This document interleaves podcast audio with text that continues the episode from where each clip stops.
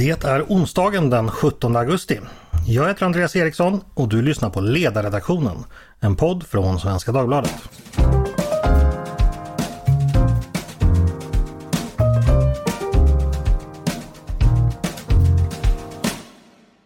Varmt välkomna denna ännu en varma dag i augusti. Idag ska vi prata januariavtalet om ni minns detta. Eller januariöverenskommelsen som den av någon anledning alltid kallades av kritikerna, däribland jag. Det var alltså det avtal, överenskommelse mellan regeringen och, som på den tiden bestod av Socialdemokraterna och Miljöpartiet och Centern och Liberalerna för att de senare skulle släppa fram de förstnämnda som regering. 73 punkter sammanlagt, en del ganska små, en del var mer omfattande, en del var ganska fluffiga, en del var väldigt specifika, en del var ganska okontroversiella och en del var betydligt mer omdiskuterade. Eh, det här januariavtalet försvann som, ni, som bekant redan förra året. Eh, och numera har ju L bytt tillbaks till den borgerliga blocket. MP har lämnat regeringen och Centern har slutit upp bakom den socialdemokratiska regeringen. Men eftersom avtalet ändå var tänkt att löpa under hela mandatperioden känns det fortfarande relevant att fundera över dess eventuella facit och lärdomar. Inte minst för att idén om så kallad kontraktsdemokrati, det vill säga skriftliga avtal mellan parter som egentligen kanske inte tycker så särskilt lika, verkar vara högst levande. Så det ska vi prata om idag och med mig har jag tre gäster, nämligen Andreas Berg, Daniel Färm och Caspian Rebinder. Varmt välkomna alla tre! Tack så mycket! Tackar! Eh, lite mer utförlig presentation. Andreas, du är docent i nationalekonomi vid Lunds universitet. Publicerar dig flitigt både i akademiska tidskrifter och på andra ställen. Bland annat som kolumnist på Dagens Nyheters ledarsida. Sammanfattar det dig bra? Jajamän! Spelar tennis på min fritid. Det gör du också ja. ja. Nu när du har sagt det får alla nämna en fritidsaktivitet som bonus. Eh, Daniel, du är VD och politisk redaktör på Socialdemokratiska Aktuellt i politiken och du är en paddelspelare gissar jag, eller? Jag har väl svingat något sånt racket i mina dagar, men annars så springer jag och spelar ja, okay. innebandy mycket. Och Caspian slutligen, du jobbar på marknadsliberala tankesmedjan Timbro. Eh, bland annat med någonting som kallades för Reformbevakaren där ni just följde upp januariavtalet. Och på din fritid tycker du om att jag lyssnar på hårdrock och tittar på schack. Och titta på schack? Jag följer schackturneringar men jag är inte så bra på att spela själv. Ja, okej. Okay, ja. Eh, följer man dem i realtid då eller snabbspolar man framåt? Ja, man följer dem i efterhand oftast. Ibland realtid. Ja. Okej. Okay. Varmt välkomna alla tre. Eh, nu ska vi dra igång direkt med, med dagens ämne. Tänkte börja med dig Andreas, eh, nationalekonom och välfärdsforskare. Eh, avtalet innehöll en del punkter som är relevanta för ditt område. Eh, vilka var de viktigaste skulle du säga och varför? Jag har skrivit ganska mycket om reformer i Sverige, vad vi har gjort, varför det har funkat och vad vi skulle behöva framöver. Och eh, de viktigaste punkterna som jag också gjorde mig initialt optimistisk om avtalet rörde ju just många av de områden som jag hade påpekat att det nu ånyo är dags att reformera. Det fanns steg mot friare hyressättning, det utlovades en omfattande skattereform, fanns lite mer allmänt hållna formuleringar om bättre villkor för företagande. Men om man menar allvar med det i, i tider av, av GDPR och EU-regleringar och gigekonomi så, så fanns det potentiellt viktiga saker att göra där. Och man vågade till och med ta i arbetsrätt och arbetsförmedling och det var ju saker som man kanske inte hade vågat göra under tidigare borgerliga regeringar. Så mm. det där skulle jag säga rent ekonomiskt var en en gedigen och välbehövlig reformagenda. Okej. Okay. Arbetsmarknad, bostadsmarknad, företagande och skatter sålunda. Ja. Det du sa nu precis har jag också ofta hört att eh, Centern och Liberalerna fick igenom saker man inte hade fått igenom under åtta års samarbete med Moderaterna och Kristdemokraterna. Och, och det lät som du bekräftade. Det, det, det, det är verkligen en riktig beskrivning av, av januariavtalet och Det är min bild och alla moderater håller väl inte helt med om det där men det är ju ett faktum att de nya moderaterna som det ju hette på den tiden mm. hade något annan framtoning. Man, man rörde inte arbetsrätt och man, man tog inte tag i värnskatten utan man valde andra politiskt lite enklare reformer. Och eh, Dessutom så har väl Anders Borg några år efter att han slutade som finansminister eh, insett eh, och erkänt att man, man borde ha vågat göra det där därför att det är just där det finns saker att göra och där Sverige har problem. Och eh, jag tycker det ligger någonting i det och det fanns så att säga en, en ganska radikal liberal kärna av tänkbara reformer som, som skulle kunna komma ut av det här avtalet. Mm. Vi ska återkomma till hur det blev med det. Eh, men så länge ska jag vända mig till dig Daniel. Eh, från ett socialdemokratiskt perspektiv. Det har ibland beskrivits då att Socialdemokraterna eh, fick makten men, men fick liksom ge sig i sakpolitiken och så var det väl mycket. som du minns det, hur var reaktionerna inne i partiet när det väl stod klart för tre och ett halvt år sedan att det var så här det skulle bli? Var man, var man nöjd eller missnöjd eller förhoppningsfull eller rädd eller vad tänkte man? Nej, men I grund och botten så var man positiv till att det efter den utdragna regeringsbildningsprocessen blev eh, en överenskommelse som bäddade för en socialdemokratiskt ledd regering. Eh, själva innehållet i januariavtalet eh, hade ju, jag gjorde ju direkt samma helg som den presenterades en genomgång av samtliga punkter. Det var ju fler än 73 förslag om man räknar konkreta reformer. Men där såg ju jag redan då att ungefär tre av fyra eh, reformer hade hyfsad progressiv potential som jag kallar det för då. Det vill säga det lirade väl med en socialdemokratisk eh, politisk tradition. Sen fanns det ett, ett fåtal riktigt dåliga punkter och några som ah, kanske inte någonting som socialdemokratin hade levererat själva men som var helt okej okay utifrån en kompromiss. Eh, det här väckte ju, de fåtal punkter som, som också Andreas lyfte här nu, de väckte ju en del upprördhet från ett fåtal ganska högljudda röster med eh, Reformisterna och Katalys i spetsen, Daniel Suhonen med flera var ju väldigt, väldigt eh, högljudda i sin kritik. och hade ju, menar de, själva levererat ett bättre förhandlingsresultat om de hade suttit vid förhandlingsbordet. Eh, det där är ju kontrafaktiskt så det kan vi inte kontrollera om så hade varit fallet. Men, men överlag så hade liksom socialdemokratin, den socialdemokratiska rörelsen, socialdemokratiska politiker de är vana vid, kommunpolitiker är vana vid att man behöver ge och ta kompromisser. Vi ska komma ihåg att socialdemokratin bara fick 28 procent av eh, rösterna. Så med det i ryggen så var det här en, en ett helt okej eh, avtal och jag brukar säga i efterhand det där januariavtalet var bättre än sitt eh, Du nämnde det att det var några punkter som inte alls var bra. Vilka var det? Ja, mitt eh, stora hatobjekt var ju slopandet av värnskatten eh, som inte ens Liberalerna sen kammade hem eh, opinionsmässigt. Det var ju vad jag kallar politisk troféjakt. De ville ha ett par stycken exempel och det har ju även Nyamko Sabuni och, och Annie Lööf vittnat om senare. Det var ju ett antal förslag som eh, framförallt tror jag Liberalerna lyfte in men några som Centerpartiet lyfte in också. Nästan i syfte att eh, visa för, för omvärlden att man kunde få socialdemokratin att eh, vika sig på punkter som man absolut inte hade velat. Eh, och det var bland annat eh, slopandet av värnskatten Eh, det är klart att turordningsreglerna, den delen av överenskommelsen om reformeringen av arbetsrätten var ju mindre bra utifrån en S-horisont. Men däremot så finns det en annan sida av det där myntet också, omställningspaketet som, som var bra. Eh, och sen var det ju den friare hyressättningen, det var ju också tycker jag, eh, det var inte i rätt riktning utifrån en S-horisont men det var inte så problematiskt. Det är nyproduktion och det var inte liksom befintliga det finns redan idag en hyfsat, eh, hyfsat fri, friare hyressättning när det gäller nyproduktion. Så det var ju liksom, ja, inte jätteproblematiskt. Men, men du låter ganska nöjd. Socialdemokratin tog hem eh, både makten och 75 eh, progressiva reformer. Så det är väl inget, inget dålig pott så att säga efter ett, en sån här runda. Och framförallt om jag bara får flika in. Det första du säger det är ju det allra, allra viktigaste. Skulle det visa sig. En del raljerade över det där att det är bara för makten, bara för taburetterna. Så som det visade sig när vi klev in i pandemin sen så visade det sig att det var ganska viktigt att sitta vid regeringsmakten för mycket, mycket, mycket politik skapas av den som sitter på regeringsmakten. Väldigt lite relativt sett är sånt som man kan sätta ner i exakta punkter. Och en del av det har, har inte fallit ut exempelvis. Mm. Daniel, jag vet att du vet det, jag vet att alla socialdemokrater vet det, jag vet det. Det är inte alla på den borgerliga sidan som vet det kan jag säga. Eh, hörni, vi ska gå vidare till Caspian. Eh, du har, som jag sa, har ju, eller ni på Timbro satte ju er ner och bevakade detta flitigt redan från början. Eh, hur löd facit när ni var, när ni var klara? Ja, det blev ju lite eh, avhugget där i förtid eftersom eh, januariavtalet var tänkt att gälla hela mandatperioden ut. Eh, det avbröts ju tre år in, så ett, med ett år kvar på, på avtalet.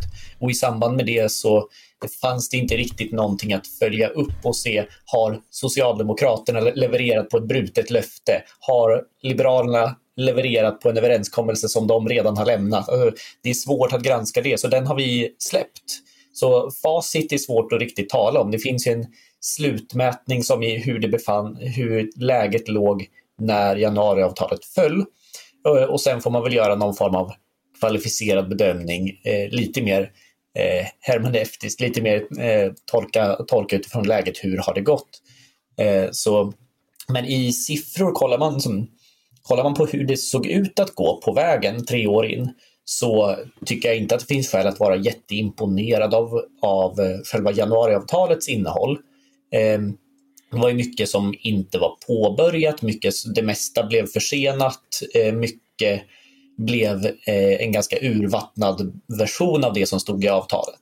Och det är kanske inte jätteförvånande när man gör en lång och hyggligt ambitiös lista och sen ska försöka få igenom det i direktiv, i utredningar, i lagrådsremisser och genom, och genom riksdagen där man inte alltid har en riksdagsmajoritet med sig.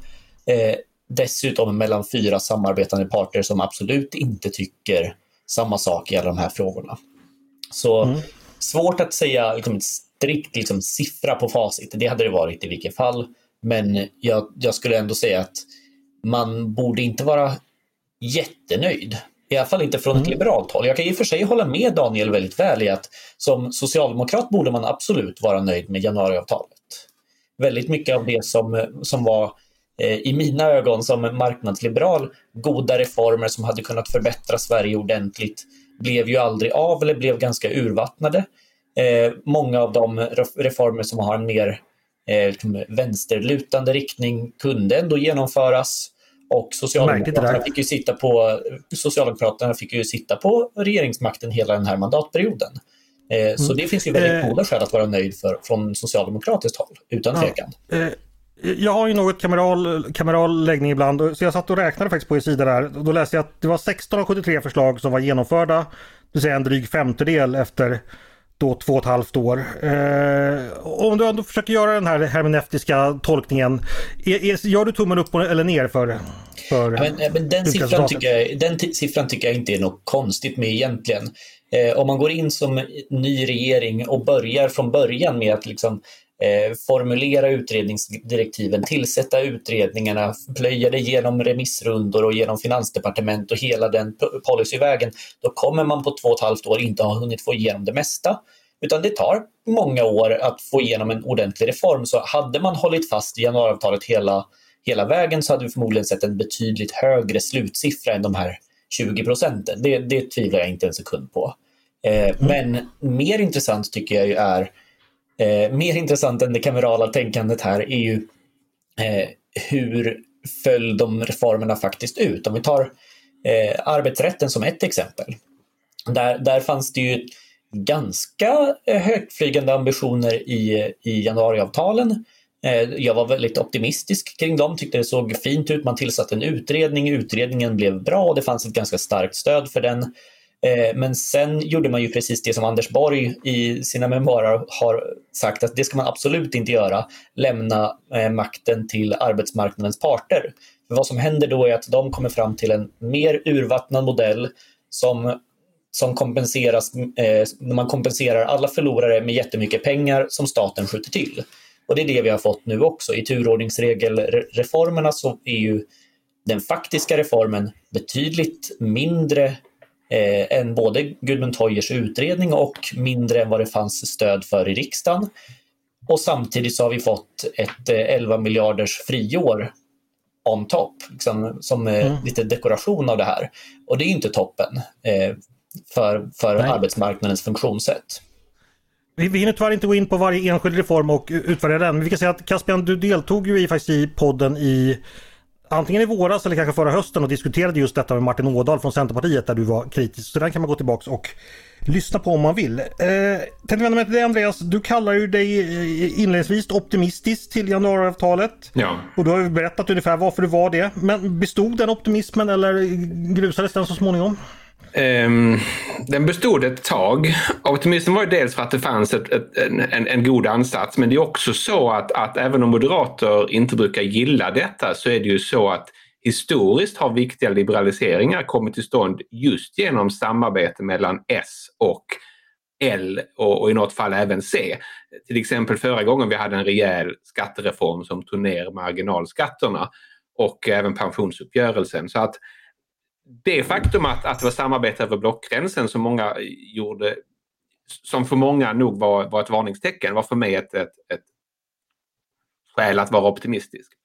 Mm. Um, hur länge bestod min optimism? Uh, ett eller två år kanske. Jag har ju uh, ett förflutet i det liberala ungdomsförbundet och därmed fortfarande vissa kontakter med eh, det liberala partiet och då blev det ganska snabbt uppenbart för mig att de sökte en ursäkt att komma ur samarbetet.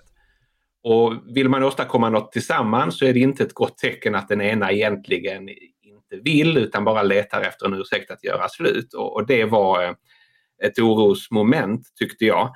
Eh, och när jag sen slutligen gav upp hoppet var när Moderaterna reformen av, av hyressättning som, som Daniel helt korrekt konstaterade egentligen bara var ett myrsteg mot friare hyror genom att det bara gällde nyproduktion. Trots detta så föredrog Moderaterna då eh, att ställa till med regeringskris snarare än att hjälpa det här genom riksdagen och då insåg jag att inte ens det parlamentariska underlaget för det här programmet var tillräckligt. Och då slutade jag hoppas och, och vid det laget så hade ju då L också hoppat av så att eh, sen dess är jag inte längre optimist. Men, men optimismen, det var alltså då Liberalerna och Moderaterna som fick det att bli mer pessimistiskt, att de helt enkelt inte var med på båten på det sättet du hade trott innan? Ja, de gjorde mig väl en smula besviken. Eh, I varje fall när man, i varje fall gäller L och C och S. Jag har nog egentligen intrycket, är väl bestående i efterhand, att det är nog egentligen bara Centerpartiet som verkligen entusiastiskt har trott och, och jobbat för det här. Och man kan säga mycket gott om dem, men när det gäller social ingenjörskonst så finns en hel del know-how inom socialdemokratin och även det lilla partiet Liberalerna eh, och har man inte dem med på båten helhjärtat, då kommer ett sånt här projekt inte att funka. Det tycker jag är en lärdom. Mm.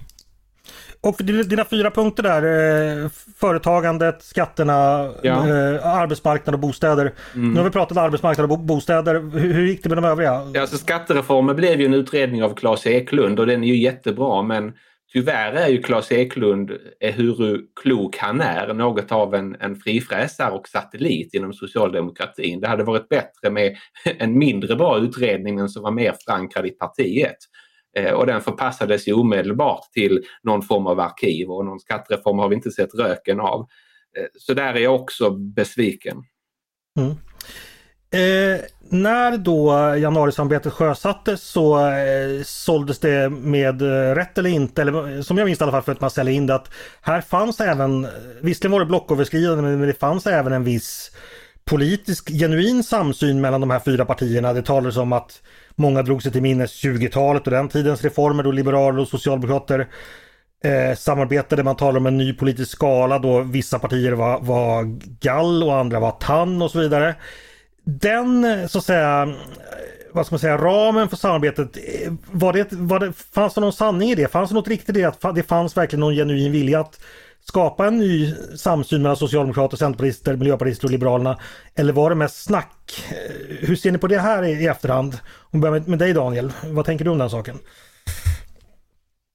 Nej, men jag eh, betecknade ju och tycker fortfarande att man kan se på januariavtalet som en sorts politikens motsvarighet till Saltsjöbadsavtalet. Det vill säga man ska inte låtsas som att man har samma ideologiska utgångspunkter men utifrån en vilja att föra Sverige framåt så enades eh, löntagarbaserade och eh, företagarbaserade partier eh, kunde man enas om ett antal punkter som jag tycker är ganska bra och viktiga som kommer i skymundan när man hela tiden fokuserar på enskilda eh, kanske lite mer kontroversiella punkter. Du har breda satsningar på välfärden som har genomförts under mandatperioden och som fick ännu större kraft såklart under pandemin när, när eh, finansminister Andersson öppnade kassakistorna rejält. Höjda pensioner har vi ju sett eh, levereras nu i dagarna en ambitiös jobbpolitik, hela landet ska leva, infrastrukturutbyggnad och integration med mera. Det finns ett antal punkter i januariavtalet som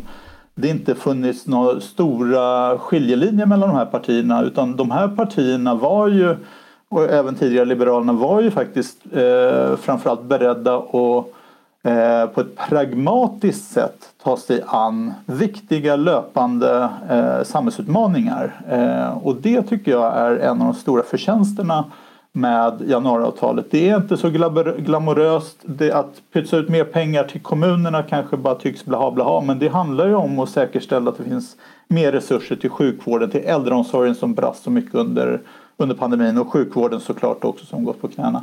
Allt det här har ju funnits med i januariavtalet också. Det får vi inte glömma och har levererats. Andreas, hur ser du på det? Eh, Daniel betraktar det här som en Eh, ett Saltsjöbadavtal. Fanns det något gemensamt politiskt projekt här bakom eller var det mest att man försökte sminka upp det eller hur tänker du?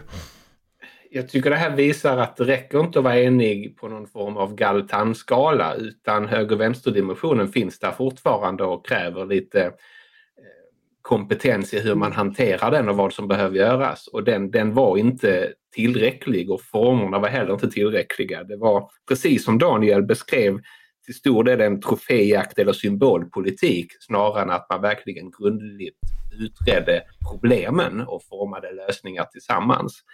Eh, jag tror också att eh, det var ett misstag att inte göra det till ett genuint gemensamt projekt genom att samregera och ha ministerposter för C och L till exempel. Mm. Eh, Caspian, en fråga till dig. Det här politiska projektet verkar i alla fall delvis ha gått vidare i och med nu att Centern har, har ställt sig bakom det socialdemokratiska regeringsalternativet. Eh, vilken roll spelar januariavtalet i Centerns utveckling? Har det varit en katalysator för att kanske tänka om och tänka nytt och tänka mer, ja, hitta, på ett annat, hitta andra sätt att få fram sin politik? Ja, men det skulle jag säga. Det har ju varit viktigt för att öppna den vägen vänsterut. Liksom oavsett om man gillar den eller inte så har det varit. Det hade nog varit svårt att eh, sätta sig och samregera för fyra år sedan, så efter förra valet med Socialdemokraterna. Då var motståndet mot en vänstersväng inom Centerpartiet mycket större. Nu har man haft en tillvänjningsperiod. Men jag tror också att, som, eh, som Andreas säger, att för det hade förmodligen varit bättre i, som för Sverige, bättre för reformer, bättre för utvecklingen om man kunde börja med att sätta sig, de som ska, ändå ska samarbeta och ta sin utgångspunkt i att identifiera problem, se vad är det för hinder samhället har, vad är det vi behöver lösa, vad har vi för strukturella problem, vad har vi för långsiktiga trender som ser oroande ut? Och utifrån det bygga någon form av, eh, alltså börja nerifrån och upp istället för att börja med en eh, liten popcornkavalkad med roliga förslag, eller viktiga förslag för all del, men som man försöker pytsa in utan att riktigt ha en helhetskänsla. Och problemet, ett av problemen här som jag tror gjorde det omöjligt är att det inte riktigt har funnits en tillit mellan partierna här. Om det inte finns en tillit så måste man gå in väldigt mycket i detalj, nedskrivna detaljer. Eh, annars kan, kan liksom en problemformulering landa precis hur, hur, som helst och man kan känna att man blir omsprungen och lurad eller inte får sin rättvisa del av reformerna. Och eh, drar man åt olika håll i förståelse av problemen och eh, syn på hur de problemen ska lösas eh, och inte litar på att processerna kommer gå rätt till eller att man får en, ett rättvist utfall så är det nog lätt att man fastnar i snarare detaljlistor som saknar ett helhetsperspektiv. Eh, och jag tänker lite på det här med helhetsperspektivet. För går man tillbaka till eh, 2018-19, strax efter valet, när, när de här listorna skrevs. Det är klart att mycket av det som har hänt under den här mandatperioden kunde man ju inte förutsätta. Det är ju full, fullständigt rimligt att det inte finns ett stort pandemikapitel i januariavtalet till exempel. Eh, det är till och med rimligt. Det hade varit ganska kusligt ifall det hade funnits. Ja, det, det, hade varit imponerande, men eh, det är rimligt att det inte finns med. Det är till och med rimligt att ett stort eh, krigskapitel inte finns med. Visst, det ryska hotet har ökat under lång tid, men vi, vi är nog många som inte såg Ryssland invadera så hårt och så eh, kraftfullt i år som det gjorde. Men det finns ju andra frågor som man faktiskt har kunnat se under väldigt många år, väldigt lång tid. Eh, om vi tar elbristen till exempel och elpriserna. Eh, där har vi ju sett tecken på ja, nedlägg nedläggningar av kraftproduktion och eh, sämre överföringskapacitet under väldigt lång tid och det står i princip ingenting om el i hela januariavtalet. Det tror jag är ett tecken på just att man har börjat i detaljerna, börjat i reformerna, börjat i troféjakten snarare än att börja en gemensam syn på vilka strukturella och långsiktiga problem som samhället kan stå inför och sen jobba fram lösningar på det.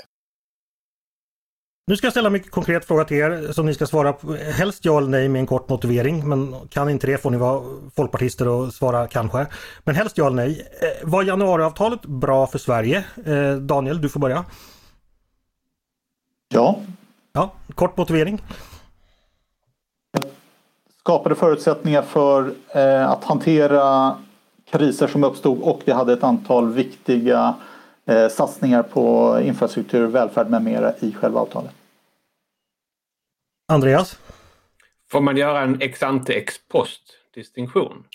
Eller är det, det bara med facit i hand vi sitter här nu och uttalar? Jag vet, jag vet inte ens vad det betyder så att då måste du först förklara det för det, mig. Det fanns skäl att vara optimistisk när, när avtalet kom till stånd. Men nu när vi sitter med facit i hand så, så ja. tycker jag inte det blev bra. Det blev inte bra, okej. Okay. Eh, och någon, någon ja, då motiverat det kanske utförligt redan. Eh, Caspian, vad är din dom? Nej, det blev inte så bra det här. Nej, eh, de, okay. de reformer som hade behövt genomföras eh, blev istället en soppa kokt på en spik. Det blev en tumme, det blev ganska lite överhuvudtaget av det hela. Och eh, ja, det, det är svårt det här med det kontrafaktiska, vad är kontrollgruppen? Men jag tror att någon annan samarbetskonstellation Eh, gärna högerut, men för, för all del även andra konstellationer med mitten-vänsterinriktning hade kunnat lösa större problem mer effektivt. Då blir ju då den givna följdfrågan dit jag vill komma då. Lärdomar av den här typen av kontraktspolitik. Eh, kan den användas i framtiden? Hur ska den i så fall användas och vad bör man tänka på i så fall? Eh, vilket råd skulle du Andreas ge framtidens politiker ifall de skulle börja fundera på att eh, skriva stora avtal för fyra år framåt? Eh, innan man börjar skriva avtal måste man ha klart för sig vart man vill komma. Och, och dit man vill komma är inte en sekvens av kortsiktiga opinionsvinster utan man måste börja med sakpolitiken och ta tag i de viktiga frågorna. Och eh, tyvärr så handlar ju väldigt mycket av partiledarutfrågningar fortfarande bara om, om eh, strategi och förhandlingstaktik och, och vem man vill regera med. Vi, vi, samtidigt som vi har enorma utmaningar där jag tror att politikerna inte har tänkt till riktigt. Det, det är den, den första lärdomen. Den andra lärdomen är att många nog hoppades på avtalet för att det var ett sätt att hålla extrempartier borta. Och ska man åstadkomma det där så tror jag att vi har lärt oss att då måste S och M eh, göra gemensam sak. Eh, sen tror inte jag det är bra om S och M går ihop och eh, isolerar SD och V utan jag tror att SD och V kommer att växa på det där. Men vill man göra det ändå så kan jag tänka mig en lösning där S och M skriver ihop sig om några saker och bestämmer sig för att vi, vi kör fyra år för att göra viktiga reformer för Sverige. Och, och sedan så återgår vi till, till något annat. Alltså tidsbegränsat S och M-samarbete.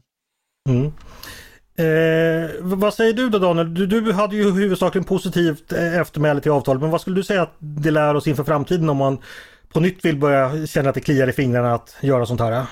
Ja, nej men eh, jag tycker det är jättebra att ni lyfter den här frågan eftersom oavsett vilket regeringsalternativ som kommer få talmannens eh, uppdrag att bilda regering så kommer ju de sannolikt att behöva eh, sluta någon liknande eh, form av överenskommelse. Och då är det jättebra att faktiskt eh, fundera över vilka lärdomar man kan dra. En som jag skulle vilja säga rakt av är ju man måste bli bättre på att stå upp för det, försvara det. Jag tyckte, precis som någon nämnde här, Centerpartiet har gjort det med, med heder. Eh, Liberalerna gjorde det inte alls. Eh, tycker Socialdemokraterna var lite för Eh, Eh, försiktiga i att försvara. Eh, vi var några stycken som var tydligt ute och även Magdalena Andersson var eh, redan som finansminister tidigt, tidigt ute och försvarade men det var många som inte riktigt kunde, ville, orkade stå upp för det. Utan, och då fick, man, då fick andra kritiker sätta bilden av det, både oppositionen, eh, parti, partioppositionen men också inom eh, exempelvis socialdemokratin.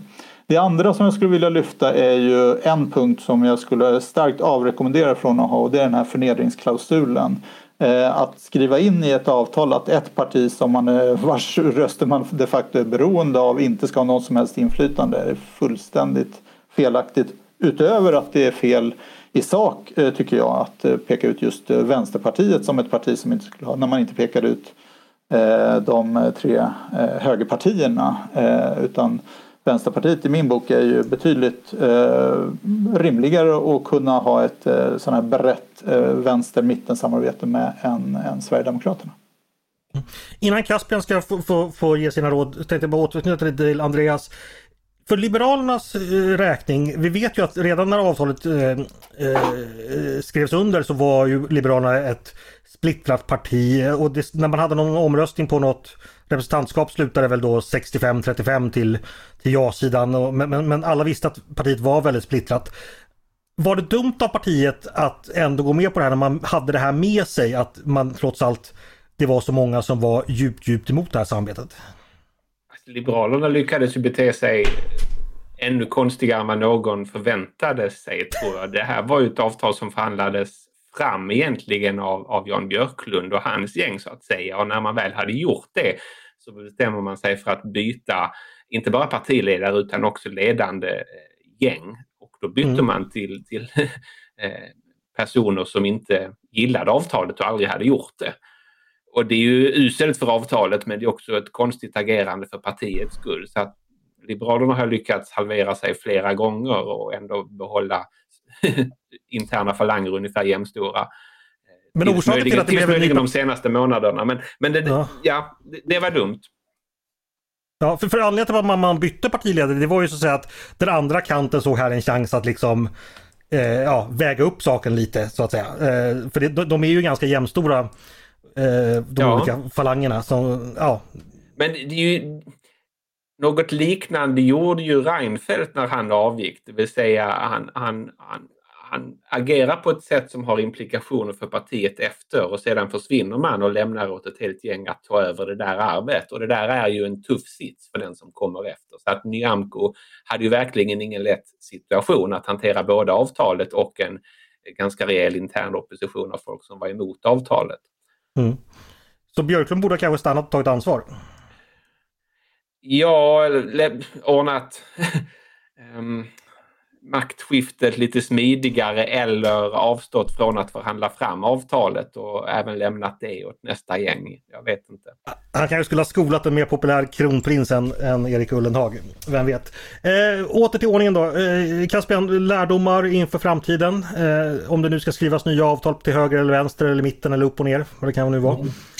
Jag tror att en, en positiv not till att börja med som Andreas nämnde precis i början att väldigt många av de liberaliseringar som har skett i Sverige, väldigt många av de eh, viktiga reformer för att göra Sverige till ett liksom, bättre, rikare, mer framgångsrikt land som har genomförts, har gjort det i samarbete med Socialdemokraterna, Liberalerna, ibland Centerpartiet, eh, och ibland Moderaterna, ibland utan Socialdemokraterna, men det finns olika konstellationer, det finns alla förutsättningar att göra gott för Sverige i både mitten höger och mitten vänster koalitioner. Så det finns ju de förutsättningarna Eh, men å andra sidan så vill jag också skicka med som en liten varning till eh, liberala element som ska samarbeta med Socialdemokraterna att det finns ju en risk att man fyra år senare lyssnar på en utvärdering i en podd och hör att eh, Socialdemokraten i podden är väldigt nöjd och marknadsliberalerna är lite mer besvikna.